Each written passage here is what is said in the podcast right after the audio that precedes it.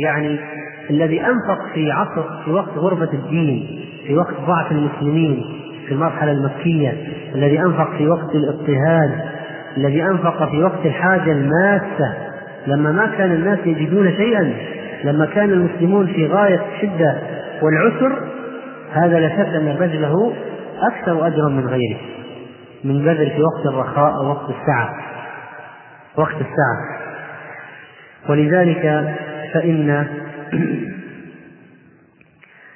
المبادرة كلما أمكن الإنسان أن يبكر في تقديم بالتقديم والعطاء للدعوة في سبيل الله يكون أجره أكبر. لا شك في ذلك. كلما كان العطاء في وقت شدة ووقت مبكر يكون أفضل. لا يستوي منكم من أنفق من قبل الفتح وقاتل. أولئك أعظم درجة من الذين أنفقوا من بعد وقاتلوا وكلهم لهم أجر وكلا وعد الله الحسنى. آه نختم الفوائد بقصة مشابهة حصلت مع أبي بكر رضي الله عنه. فيها شيء مما يجب أن يكون أيضا في آه، الخصومة بين الإخوان. الخصومة بين الإخوان. هذه القصة سندها جيد يرويها الإمام أحمد رحمه الله في مسنده. عن ربيعة الأسلمي قال كنت أخدم رسول الله صلى الله عليه وسلم.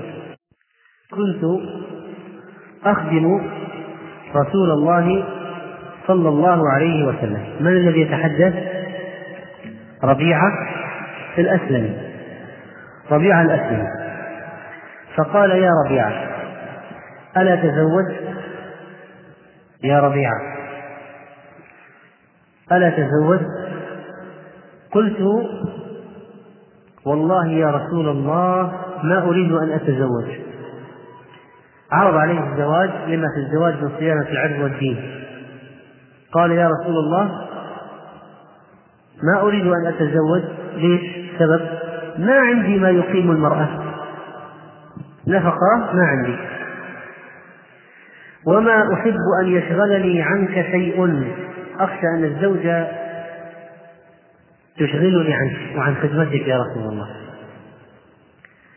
يريد أن يخدم النبي عليه الصلاة والسلام بنفسه ويوقف نفسه عليه. فأعرض عني ترك دعوته للزواج. فخدمته ما خدمته. ثم قال لي الثانية بعد مدة يا ربيعة ألا تزوج؟ فقلت ما أريد أن أتزوج؟ ما عندي ما يقيم المرأة وما أحب أن يشغلني عنك شيء.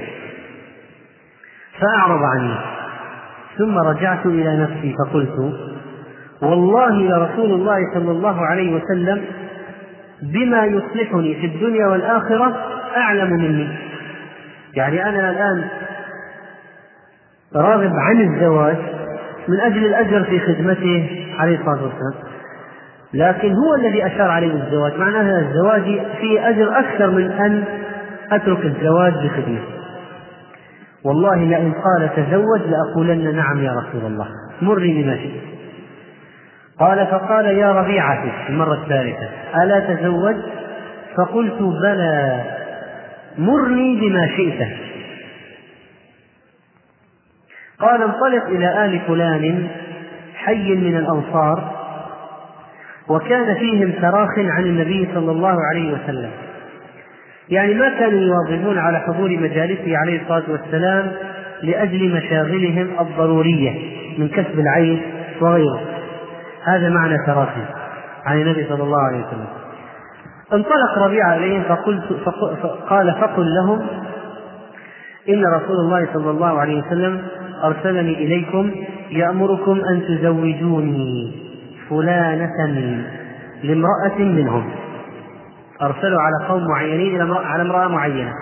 فذهبت فقلت لهم إن رسول الله صلى الله عليه وسلم أرسلني إليكم يأمركم أن تزوجوني فلانة. فقالوا مرحبا برسول الله وبرسول رسول الله صلى الله عليه وسلم.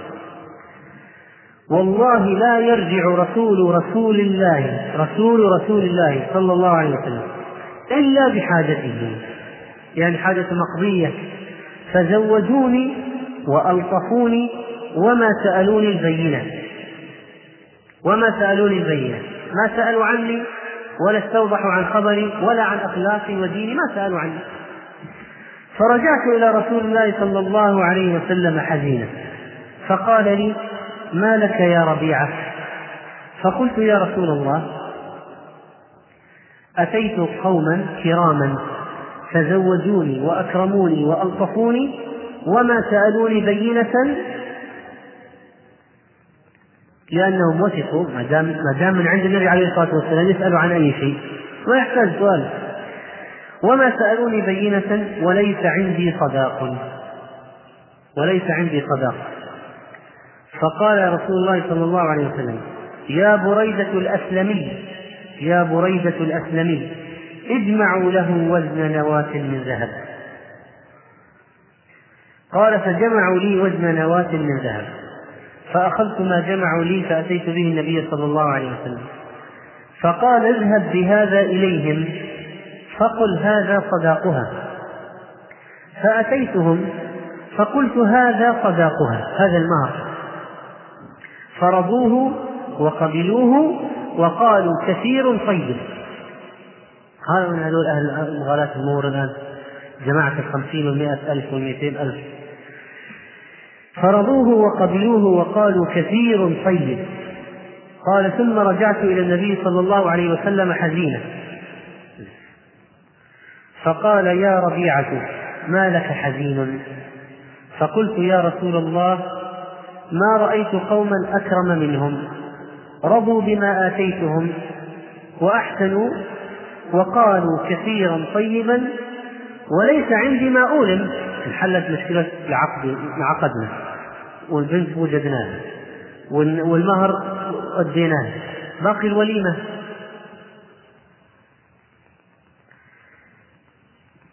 قال يا بريدة اجمعوا له شاة. شوف كيف تنحل المشاكل في العهد النبوي بمشكلات سريعة الحل. ما في مشكلة تجري سنة وسنتين سنوات الواحد ما يجي يتزوج. بسرعة. يا فلان اجمعوا جمعوا بسرعة. القضية الحلول جاهزة للمشكلات.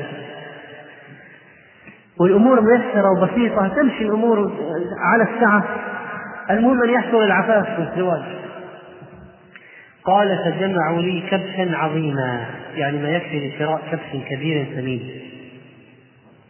فجمعوا لي كبشا عظيما ثمينا فقال لي رسول الله صلى الله عليه وسلم اذهب إلى عائشة فقل لها فلتبعث بالمكتل الذي فيه الطعام. المكتل زنبيل وعاء يسع خمسة عشر صاعا. فلتبعث بالمكتل الذي فيه الطعام. قال فأتيتها. فقلت لها ما أمرني به رسول الله صلى الله عليه وسلم. فقالت هذا المكتل فيه تسع آصع شعير تسع صاع. آصع جمع صاع. في جمع صاع. ويجمع أيضا على أصوع وصيعان. تسع آصع شعير لا والله إن أصبح لنا طعام غيره. لا والله ما عندنا طعام غير هذا. الذي طلبه النبي عليه الصلاة والسلام أن تأتيه به ما عندنا غير الطعام. كل الموجود تسع أصواع من الشعير. هذا كل اللي في مطبخ عائشة. إذا كان عندها مطبخ. هي غرفة. غرفة. حجرة عائشة. ما في إلا تسع أصواع من من هذا الشعير. خذه. يعني هو لما ما عندها غيره بخلت به. لا. زوجها أمر خذه فأخذته. فأتيت به النبي صلى الله عليه وسلم فأخبرته ما قالت عائشة. فقال اذهب بهذا إليهم فقل ليصبح هذا عندكم خبزا. فذهبت إليهم أهل العروس وذهبت بالكبش ومعي أناس من أسلم فقال ليصبح هذا عندكم خبزا وهذا طبيخا. أنا جبت لكم المواد الخام وأنتم عليكم الصناعة. لأهل العروس. هذا سووه اخبزوه بالشعير وهذا الكبش اذبحوه واطبخوه. فقال أما الخبز فسنكفيكموه وأما الكبش فاكفونا أنتم. هو أخذ ناس من جماعة من بني أسلم وقالوا الخبز مقدور عليه عندنا في من يخبز. وأما الكبش عليكم. فأخذنا الكبش. شوف سبحان الله مسألة غاية الثلاثة والسهولة. ما في اعتراضات. لا ما أنتم لا نحن ونحن وأنتم وعلينا وعليكم. واحد من اخواني يقول لي يقول يعني لما جينا نتناقش في موضوع زواج زواج البنت يعني لما جلسنا مع مع الرجل وأبيه الزوج آه، كان نقاش عجيب الشروط والنقاش الأشياء قال حتى أن أبوه قال البكي على مين؟ إي والله يقول بكي على مين؟ هذه وقفت يعني حتى البكي على مين؟ قال بكي على مين؟ قال قلنا علينا البكي قال إيه لابد كل شيء يكون واضح. أما الخبز فسنكفيكموه وأما الكبش فاكفونا أنتم فأخذنا الكبش أنا وأناس من أسلم فذبحناه وسلخناه وطبخناه. فأصبح عندنا في الصباح خبز ولحم. فأولمت ودعوت رسول الله صلى الله عليه وسلم. طب الآن القصة هذه ما علاقتها بالموضوع الأصلي وكيف أدخلناها في الموضوع الآن الموضوع الأصلي إذا صار في خطأ وكيف يعني يتدارك الخطأ وما هو الصحيح في الاعتذار والإنساء الأساء إلى الآخر وقصة الصديق رضي الله عنه. ما العلاقة يا جماعة؟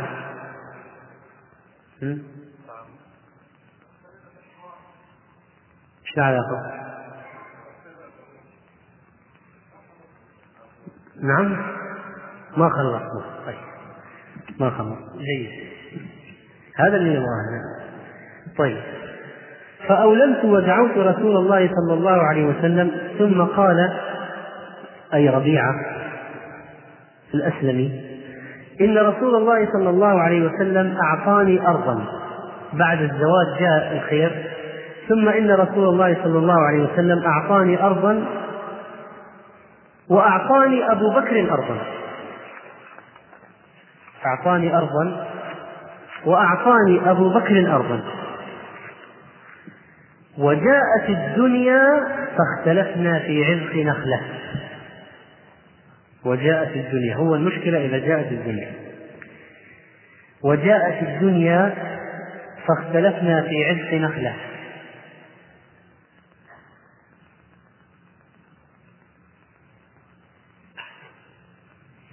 يبدو أن بعض النساخ أو بعض الشراح قال أن كلمة أعطاني خطأ من خطأ النساخ وأن الصحيح أعطاني أرضا وأعطى أبا بكر أرضا.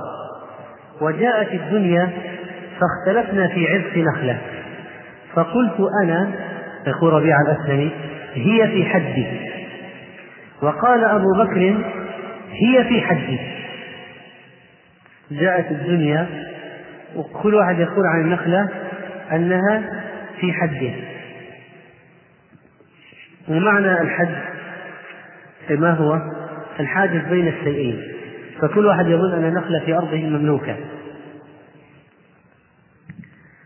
فكان بيني وبين أبي بكر كلام. فقال أبو بكر كلمة كرهها وندم أثناء المحاورة. فقال لي يا ربيعة رد علي مثلها حتى تكون قصاصا قال لي يا ربيعة رد علي مثلها حتى تكون قصاصا فالآن أبو بكر رضي الله عنه قال كلمة في الحوار غليظة وندم مباشرة الندم هو هذا العظمة في هذا في هذا الشخصية المباركة. أنه ندم فورا على الكلمة. والآن طيب الكلمة خرجت. يعني سحب الكلمة ما عاد ممكنا الكلمة خرجت. ما هو الحل؟ قال أبو بكر فقال لي يا ربيعة قال أبو بكر يا ربيعة رد علي مثلها حتى تكون قصاصا يقول لابد أنك تقول لي نفس الكلمة ترد بها عليه مثلا لو قلت يا غبي لابد تقول يا غبي حتى تصير قصاص واحدة بواحدة. لو قلت يا طماع لازم تقول يا طماع. تصير واحدة بواحدة أبو بكر يصر الآن على القصاص لأن القصاص في الدنيا أهون من القصاص. في الآخرة حتى تكون قصاصا. قال قلت لا أفعل.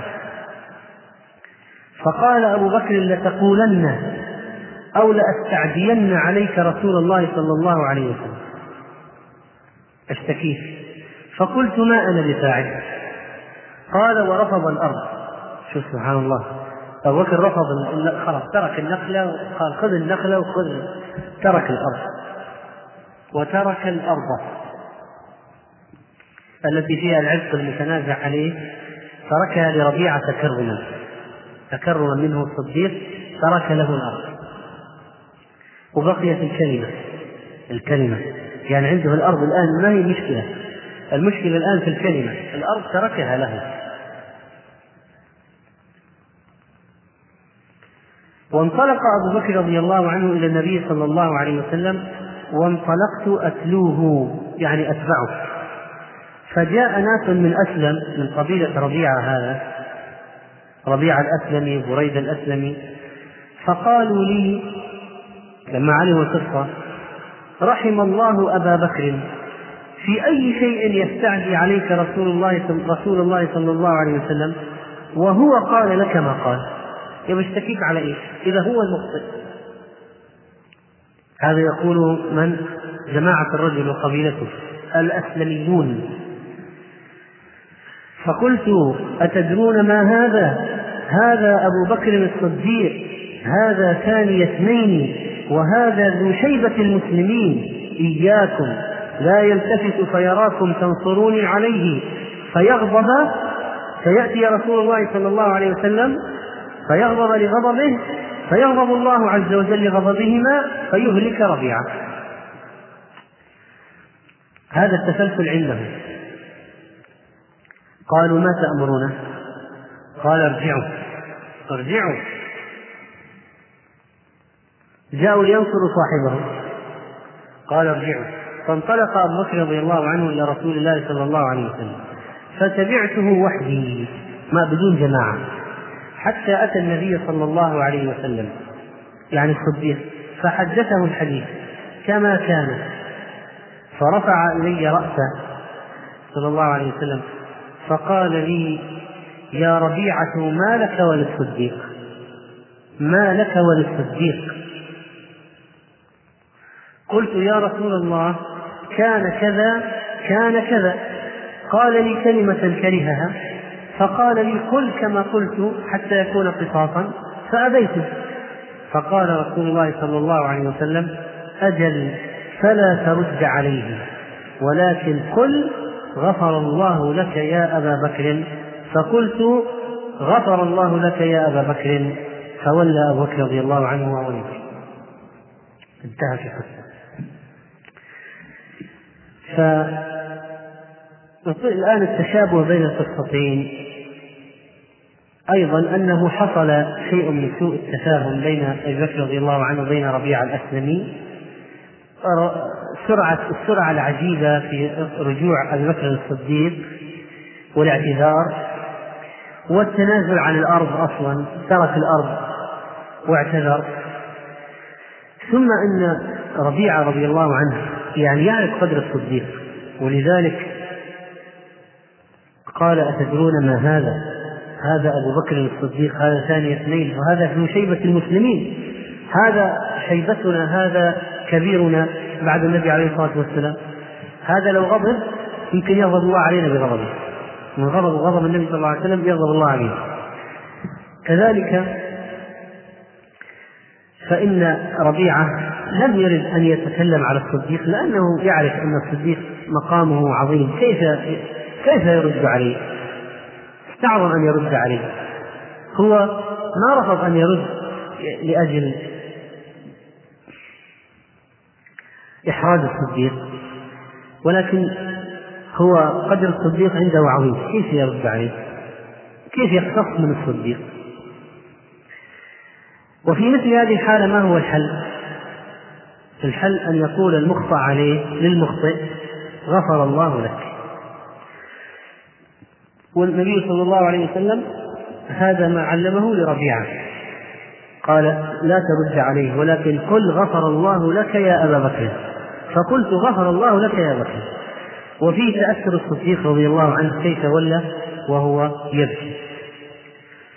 القصة هذه لوحدها تحتاج أن يؤخذ منها فوائد ولكن لا نريد أن يطول الوقت أكثر من هذا. القصة فيها فوائد كثيرة في مسألة تيسير الزواج بالمهور وكيفية استقبال الناس لصاحب الدين إذا جاءهم يتزوج وكيف يجمع المار وكيف وكيف تيسر الأمور وتنحل المشكلات بين أهل الزوجة والزوج وأهل الزوجة والشخص المتقدم وأن يعني كيف أن الدنيا يمكن أن الدنيا هي سبب المشكلات بين الإخوان. هذه من أهم الفوائد. لا بأس لو ذكرناها الفائدة هذه قال ربيعة كلمة عظيمة. قال وجاءت الدنيا فاختلفنا في عبء نخلة. طيلة ما تمشي ما, تمشي الأمور بالأخوة ما في اختلاف. إذا جاءت الدنيا كل واحد يقول اعزل نصيبي عن نصيبك هنا يحدث الخلاف وجاءت الدنيا فاختلفنا في عبء نخلة. فقلت أنا هي في حدي وقال أبو بكر هي في حدي. فهذه الدنيا سبب الخلاف وهي التي تجر الخصومة ثم تجر الكلام الذي لا يليق بين الإخوان. وكيف أن الصديق أراد أن يتحلل في الدنيا قبل الآخرة؟ وأن الإنسان لا يستعين بقومه على الباطل. والنبي عليه الصلاة والسلام أخبر أن الذي يعين قومه على غير الحق مثل البعير المتردي بذنبه. إذا تردى بذنبه. ممكن واحد يخرجه؟ تردى في بئر ممكن واحد يحاول لا يمكن. ولذلك يدفعونه إلى الهلاك دفعا. ورجوعه صعب. إذا قام قومه معه بالباطل فإن رجوعه صعب.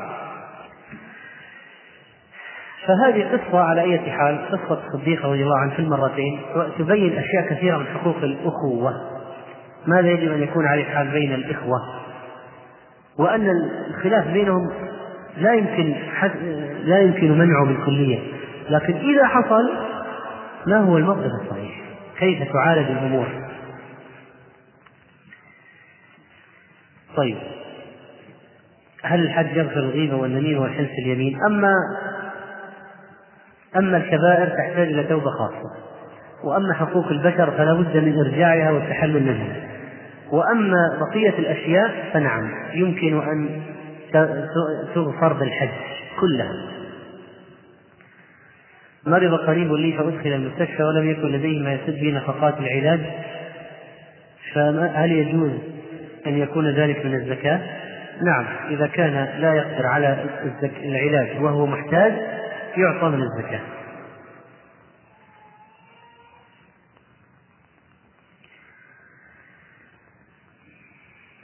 إعطاء الخادمة الزكاة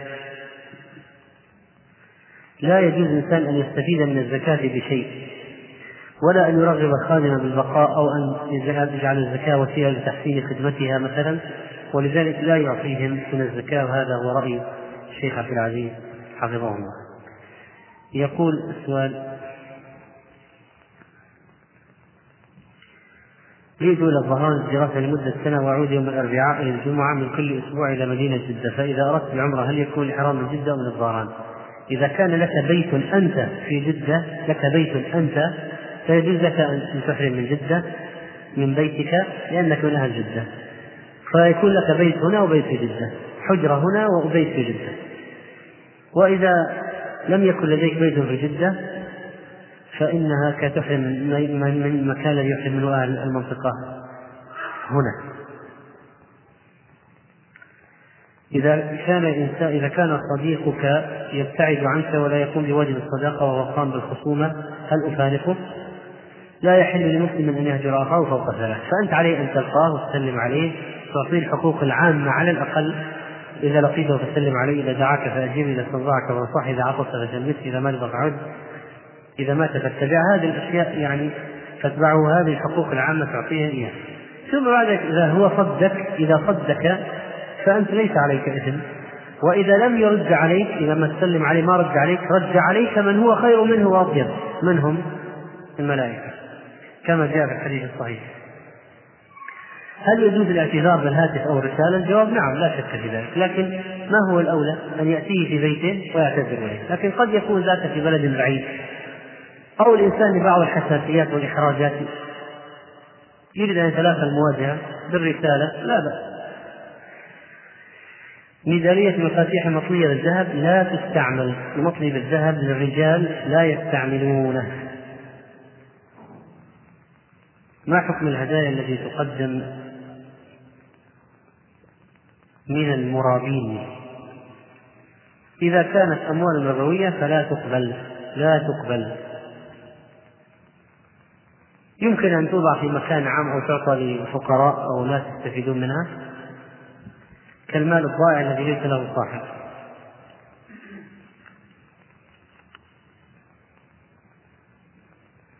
كنت على سفر فنويت الإفطار ولكني لم أفطر. هذه المسألة فيها خلاف بين أهل العلم فذهب بعضهم إلى أنه يفطر بالنية بمجرد أن نوى الإفطار يفطر. وقال بعضهم لا يفطر إلا إذا تعاطى مفطرا كالأكل أو الشرب أو الجماع. وهذا هو الراجح إن شاء الله ولكن الأحوط أن يقضي خروجا من خلاف أهل العلم. شربت ماء بعدما بدأ الأذان أذان الفجر فينبغي على الإنسان إذا كان إذا أذن أن يمتنع عن الطعام والشراب ولكن مثل هذا الذي أكل أو شرب أثناء الأذان لا يؤمر بالقضاء.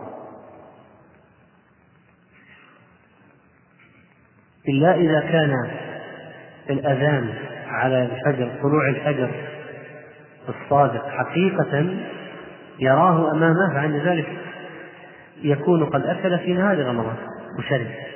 فيؤمر بالقضاء والتوبة. هل يجب على المرأة أن تغطي شعرها أثناء إقامة حلقة القرآن في البيت؟ الجواب لا. يجوز أن تقرأ وهي كاشفة الشعر.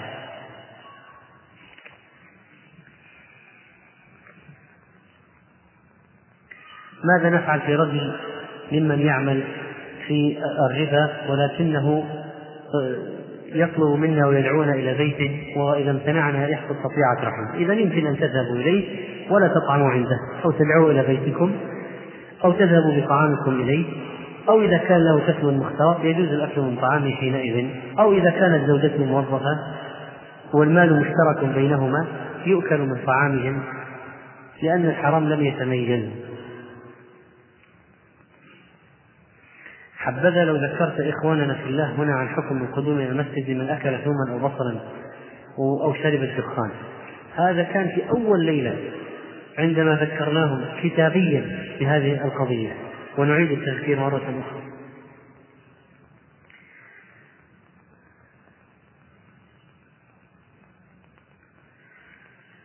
أعطى المؤذن 100 ريال وقال اشتري سجادة للإمام والمسجد مفروش والحمد لله والذي أعطى المال لا نعرفه حتى نرجع إليه. فماذا نفعل؟ فإذا كان لا يشرع الآن فرش السجادة على السجادة ولا وضع السجادة للإمام والمسجد مفروش وفي سجاد. فإننا نشتري به مفرشا في مسجد غير مفروش أو نضعه في فرش مسجد آخر مثلا. أقرب شيء إلى نية المتبرع أقرب شيء إلى نية المتبرع. إذا لم يمكن تنفيذ نية المتبرع أقرب شيء إلى نية المتبرع. أول ليلة من العشر هل هي غدا أو بعد غد؟ ما هي أول ليلة العشر؟ عشرون أو واحد وعشرون؟ ها؟ لا. واحد وعشرون. هي أول ليلة. الآن واحد اثنين ثلاثة أربعة خمسة ستة سبعة ثمانية تسعة عشرة. انتهت العشر الأوائل. حادي عشر ثاني عشر ثالث عشر رابع عشر خامس عشر سادس عشر سابع عشر ثامن عشر تاسع عشر. العشرون انتهت العشر الأواسط حادي عشرون الثاني والعشرون الثالث عشرون وهكذا العشر الأواخر.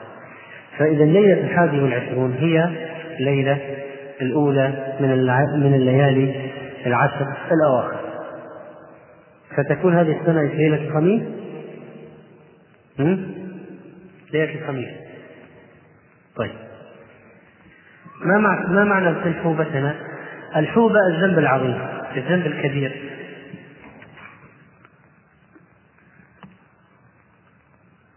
طيب ورد في القرآن هات الدليل. ورد في القرآن هاتوا الآية.